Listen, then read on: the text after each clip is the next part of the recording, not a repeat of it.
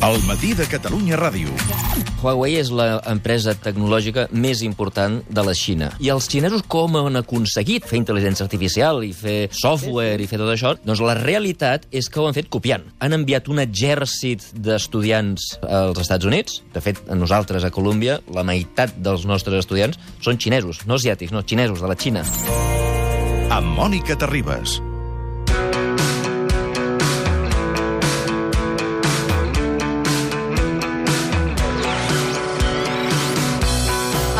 Mica més tard per les circumstàncies excepcionals que viu aquest país, però no volem deixar de parlar amb Xavier Sala i Martín, perquè la setmana passada explicàvem que la inversió estrangera a Catalunya captada per la Generalitat havia crescut un, més d'un 30% l'any passat, dada que contrastava amb la caiguda del 12% del total d'inversió estrangera a Catalunya. I les dades que hem de tenir en compte, quines són?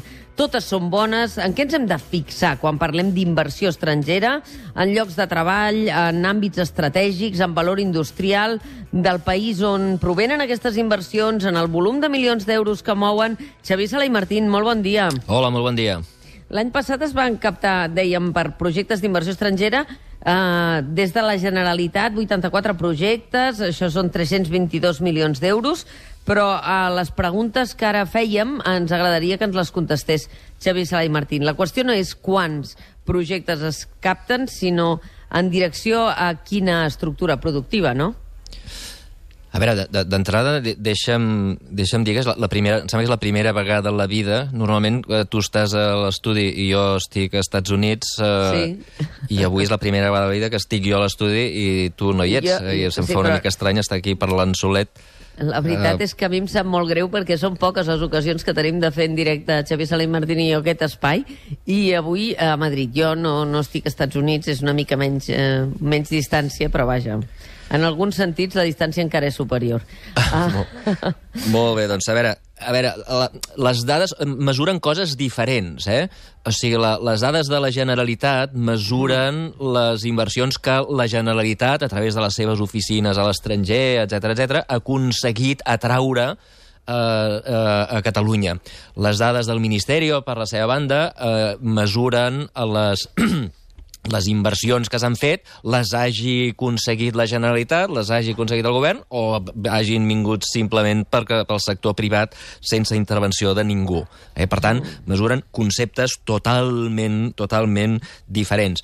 Uh, abans de- abans d'avaluar-les, deixa'm, dir dues, dues, deixa'm fer dues notes preliminars que ens haurien d'indicar que no hauríem de fer massa cas ni de les unes ni de les altres. Eh? Uh, primera, perquè les inversions estrangeres són números petits. I quan uns són números petits vol dir que una operació pot fer que salti la banca, pot dir que salti molt un any i l'any següent baixi molt. Per exemple, Uh, normalment, més o menys, eh, per, per fer-nos una, una, una idea de com són els números, les inversions a Catalunya són al voltant de 3.000 3.500 milions. Eh? Uh, quan un any, per exemple, a l'any 2016, la SEAT decideix posar, uh, fabricar el, el model Arona a Catalunya, a l'any 2016 les inversions es van disparar a 8.000 milions. Per què? Doncs perquè aquell any la SEAT va posar 3.300 milions addicionals. Eh? És a dir, els 3.000 normals més els 3.300 de la SEAT, pum, es dispara. I llavors, el do... llavors això té dues conseqüències. Primera, que l'any 2016 tots els, diguem, defensors de que l'economia catalana va bé, doncs diuen, ostres, fantàstic, mira com ha pujat, mira com confien els estrangers en Catalunya. Però, clar, l'any següent les inversions tornen al nivell normal. Eh? Dels 8.000 milions tornem als 3.000 i, per tant, a l'any 2017 hi ha una davallada brutal. I aleshores tenim tots els detractors de Catalunya, eh? per exemple, vam veure un gran discurs de l'Albiol al Parlament de Catalunya dient, mireu, mireu com ha caigut la inversió estrangera, els estrangers no confien en el procés, eh? i tot això simplement va ser una operació d'una empresa, la SEAT. Eh? És a dir, una sola operació pot eh, fer que hi hagi un gran salt un any i, per tant, una gran davallada l'any següent. És a dir, que mm, com que són dades molt petites, són molt distorsionables per una sola operació i, per tant, no hem de treure grans conclusions econòmiques i, sobretot, polítiques d'aquest tipus de dades. El segon, el segon problema és que eh, les dades que dona el Ministeri eh, són, eh, diguem, si es pot, si es pot, eh, s'atorguen o s'assignen o es comptabilitzen a una comunitat autònoma. Per exemple, una empresa estrangera fa una fàbrica a Sabadell, eh, com que Sabadell està a Catalunya, es comptabilitza a Catalunya. Però hi ha situacions en les quals no es pot mm, eh, comptabilitzar, no, no, no és una inversió que s'ha directament en una fàbrica en un lloc particular, i quan això passa, aleshores es comptabilitza en la comunitat on hi ha la seu social. Eh? I això és molt rellevant amb les dades d'aquest any. Tots recordareu que, eh, eh, diguem, aquest any vull dir la- les dades de 2018, Sí, sí. que són les últimes que tenim, que són les que estem discutint ara. Eh? Eh, tots recordareu que l'any eh, passat, eh, l'any 2018, va haver-hi una mega operació en la qual una empresa italiana, una empresa eh, alemanya i el Florentino Pérez, eh, una empresa que es deia Atlantia, una que es deia Hotchef i la ACS, van comprar Avertis. I la van comprar per 14.000 milions. Eh? Uh, tots recordareu també que a l'any 2017 Avertis va ser una de les empreses que va canviar la seu social. Ah, Exacte.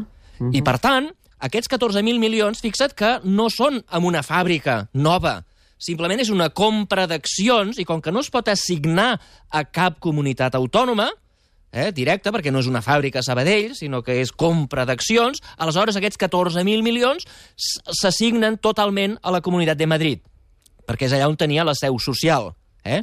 I aleshores, les dades que tothom ha vist són, mireu, mireu, la inversió a Madrid ha pujat un 125%, perquè s'han emportat aquests 14.000 milions, i en canvi a Catalunya cau un 11%. Fixeu-vos que això és simplement perquè la seu social havia canviat podríem preguntar-nos com serien les dades, eh? i per cert, quan van sortir aquestes dades va sortir tots els diaris dient la inversió a Catalunya cau, en canvi a Madrid puja, va sortir l'Iceta, va sortir el Parlament, l'Iceta recriminant en el president Torra eh, que la inversió a Catalunya havia caigut en picat i en canvi a Madrid s'havia més que doblat, Uh, però simplement això era l'operació de Vertis.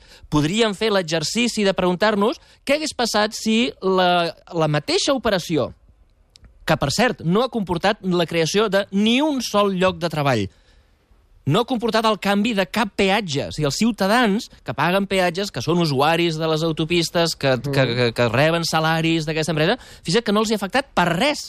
Tant se val que el propietari sigui el Florentino, o que sigui la Caixa, o que siguin uns italians. És igual, pels ciutadans això no ha tingut cap efecte.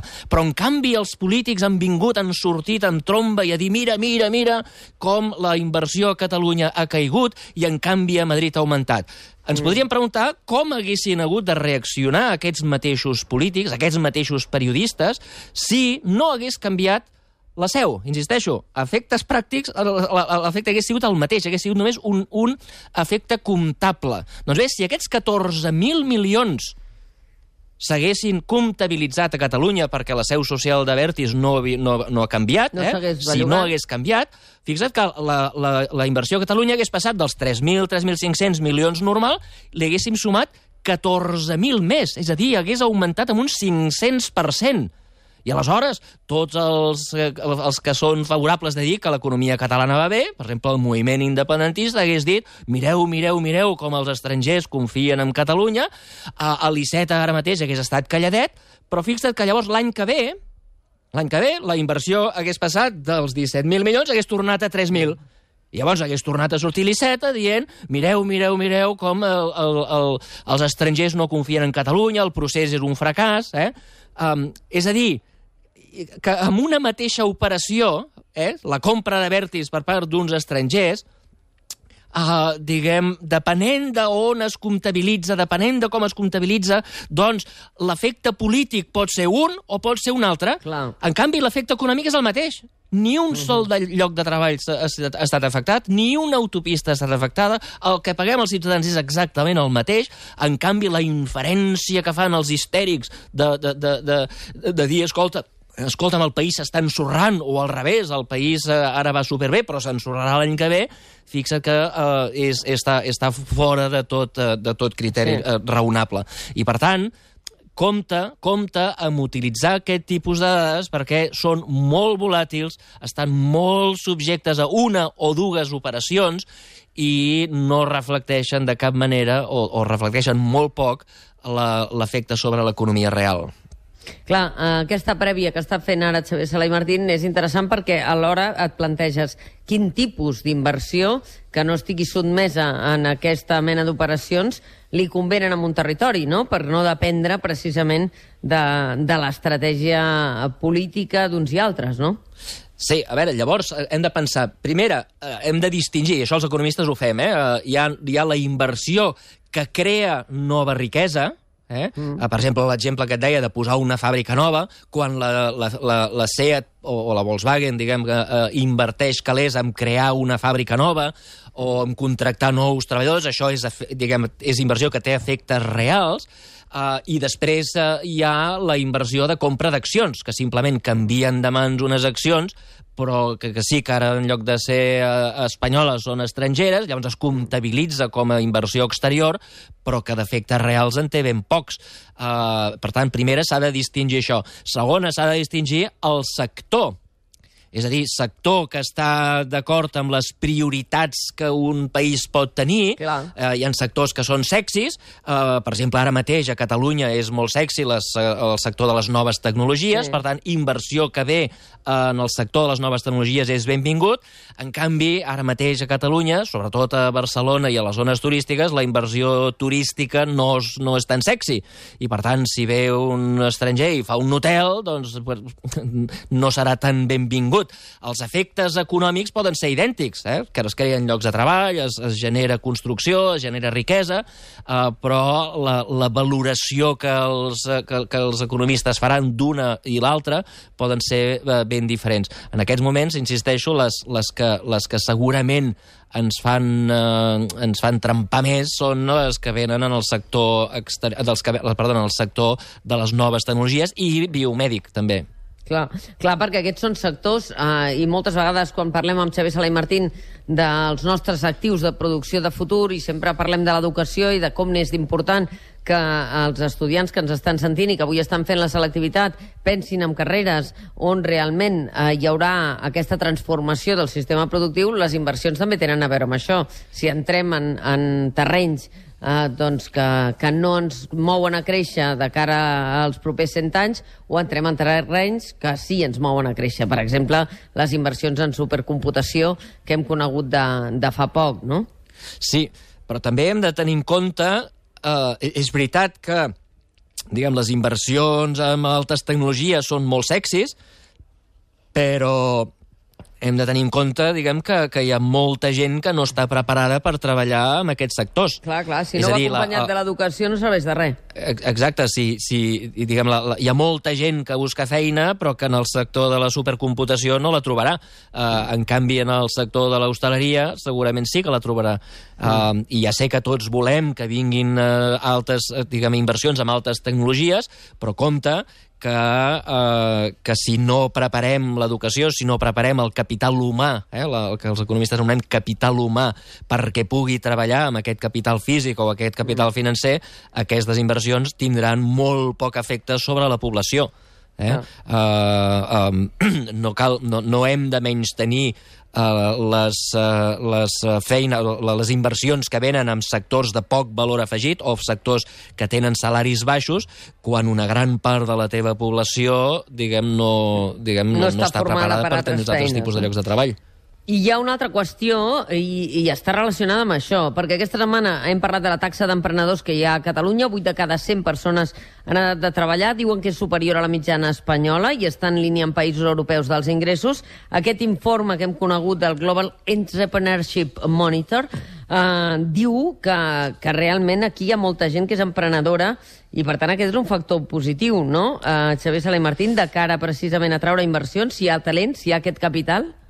Bueno, aquí hem d'anar en compte. Eh? El, aquests, eh, aquests estudis del, del, uh, del, del Global Entrepreneurship Monitor, Sí. diguem que, monitor, que, que, que avaluen la, la capacitat, la tendència, l'aptitud, l'actitud dels ciutadans envers l'emprenedoria, eh, s'ha d'anar en compte perquè mesura coses que potser no és el que volem. Eh?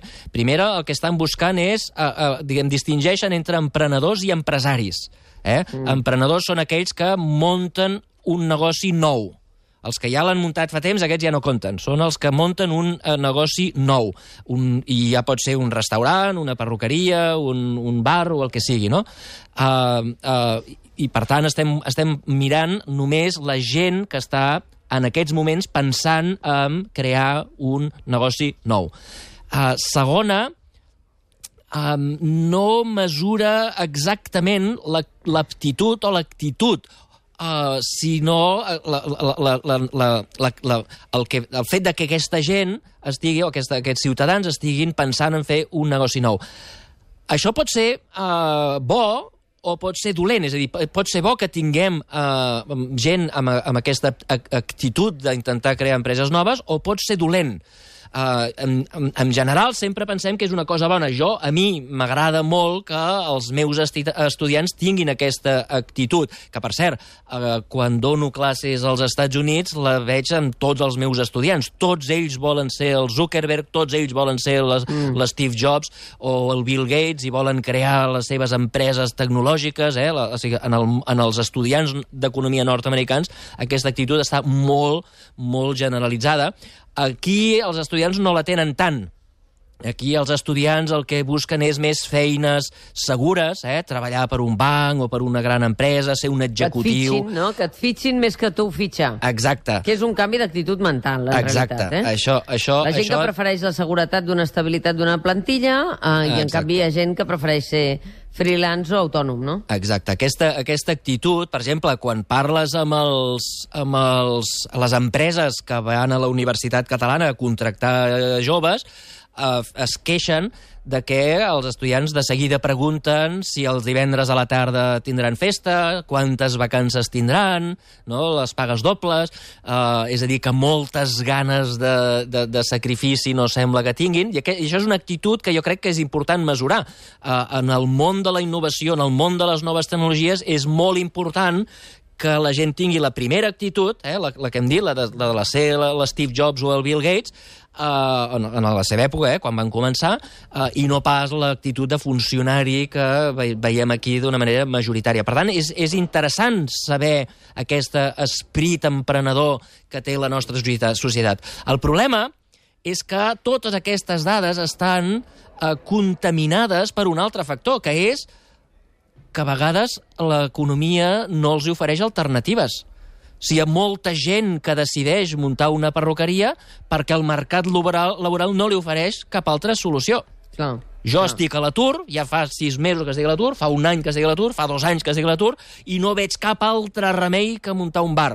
No és que jo tingui una actitud, aptitud emprenedora. Jo, no és que jo hagi somiat sempre en ser l'Steve Jobs i la millor manera és començar per un bar. No, és que no tinc cap altre remei. I, per tant, en la mesura que l'emprenedoria és eh, com a resposta a aquesta incapacitat de l'economia de crear llocs de treball, és una cosa dolenta. Val a dir que si tu mires l'estudi, eh, aquesta, aquesta eh, necessitat o obligatorietat de ser emprenedor perquè les circumstàncies laborals són adverses va pujar moltíssim durant la crisi. I és veritat que, segons aquest estudi que estem mencionant, eh, això està baixant, eh? ara baixa la necessitat, diguem l'emprenedor de necessitat, i puja l'emprenedor de vocació, i això és bo, eh, però cal tenir en compte que encara és molta la gent que és emprenedora no perquè tingui una vocació, que seria lo bo, sinó perquè el país els hi està, no els hi està donant les oportunitats que mereixerien. Uh -huh. uh, I això és dolent. Uh, val a dir que aquest estudi, insisteixo, distingeix entre els dos i això ho fa bé, això és una cosa bona. Uh, però quan mires les dades totals, eh, dius, mira, a Catalunya hi ha més emprenedors o menys emprenedors, les dades per si soles no et diuen què està passant. Uh -huh. Podria ser que la taxa d'emprenedoria pugés i fos dolent, eh? mm. perquè l'únic que està indicant és que estem, el sistema econòmic està fracassant perquè hi ha molta més gent que no troba feina i es veu, es veu pitjada a formar, a, diguem, a fer una perruqueria, a fer un bar o a fer una, una llibreria i això seria molt, molt dolent. I una altra qüestió, Xavier. A, a nivell d'inversions, ens interessen inversions de serveis o empreses que tinguin també eh, ramificacions a altres països perquè eh, siguin més necessàries i no puguin ser volàtils, no? És a dir, que dins de l'economia global eh, nosaltres tinguem potes de negoci que també estiguin en d'altres indrets, de tal manera que la inversió estrangera eh, estigui garantida per l'estratègia global d'aquestes empreses a nivell mundial, no? Sí, sí, sí. Formar part de la- de l'escala, de, la, de la xarxa global de, de, de producció és important, sempre i quan tu t'especialitzis en tasques de, que creen llocs de treball i d'alt valor afegit. Eh? Hi ha països que s'especialitzen en fer, jo sé, microchips o una part molt petita d'una nevera que bàsicament uh, uh, uh, les, les empreses van allà perquè tenen una, una, uns impostos baixos, però creen molt pocs de treball perquè són uns robots que simplement estan a Mèxic o estan a Guatemala uh, i fan, uh, fan diguem, una, una part molt petita de la gran cadena de producció, però l'impacte sobre l'economia real, l'impacte sobre la gent, l'impacte sobre els salaris, l'impacte sobre l'ocupació, eh, acaba sent molt baix. Un altre aspecte que jo crec que s'hauria de buscar és a les inversions que aporten coneixement. Molt sovint, la, el coneixement, diguem, per saber fer coses, eh, per saber fer coses noves, eh, la manera d'aprendre aquestes coses noves és a través de la inversió estrangera. Eh, tu no saps com es fa aquest producte, eh, venen els estrangers, ho, fan, ho, ho produeixen aquí, eh, i els treballadors, les empreses d'aquí ho aprenen. Això ho vam discutir, per exemple, eh, fa un parell de setmanes quan parlàvem de la Xina. Una de les maneres que havia tingut la Xina d'aprendre totes les noves tecnologies, inclosa la intel·ligència artificial, era atraure les grans empreses, atraure Google, atraure Facebook, aprendre com ho fan, i un cop una presa els fan fora. Eh? És a dir, que el, el, les, la inversió estrangera, a banda de portar diners, a banda de crear llocs de treball, també aporta coneixement. Eh, I en aquest sentit, atraure les, eh, les, eh, eh, les inversions que no només formen part d'una gran cadena de producció mundial global, sinó que aporten coneixement, també seria molt important. Xavier Sala i Martín, conforme vas parlant se'm van acudint més i més uh, preguntes. Sé que no tenim massa més temps, però deixa'm fer-te una altra. Hi ha països que, siguin, que tinguin més capacitat de risc a l'hora de fer inversions estrangeres? Hi ha països més temerosos que busquen uh, més estabilitat, que depenguin més de la geopolítica que no pas de la seva estratègia?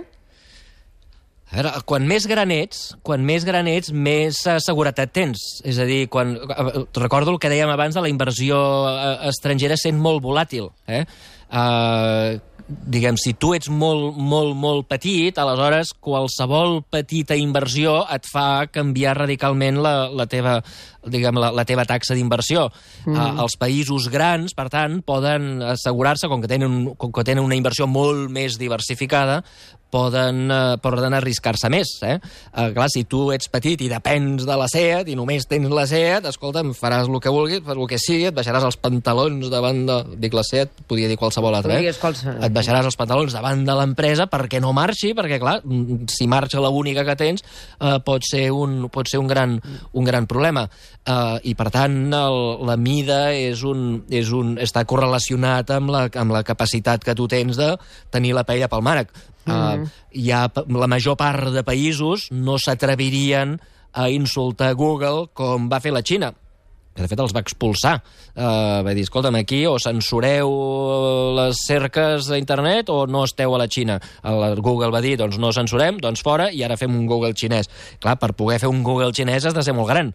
Uh, això la major part de països no ho fan, no, no tenen la possibilitat i per tant quan Google els, els exigeix una cosa doncs s'han de, baixar, mm. de baixar els pantalons uh, la mida jo crec que és molt important Uh, veurem uh, com evoluciona aquesta qüestió, però no volíem deixar uh, passar per alt aquestes xifres d'inversió, justament per analitzar-ho amb tu, amb tu, Xavier Salimartín, que ens ajudes a veure factors que moltes vegades en el dia a dia es queden en les xifres, amb els percentatges de creixement o de decreixement, i tot va més enllà. Gràcies, que tinguis un bon dia. igualment, a reveure Una abraçada.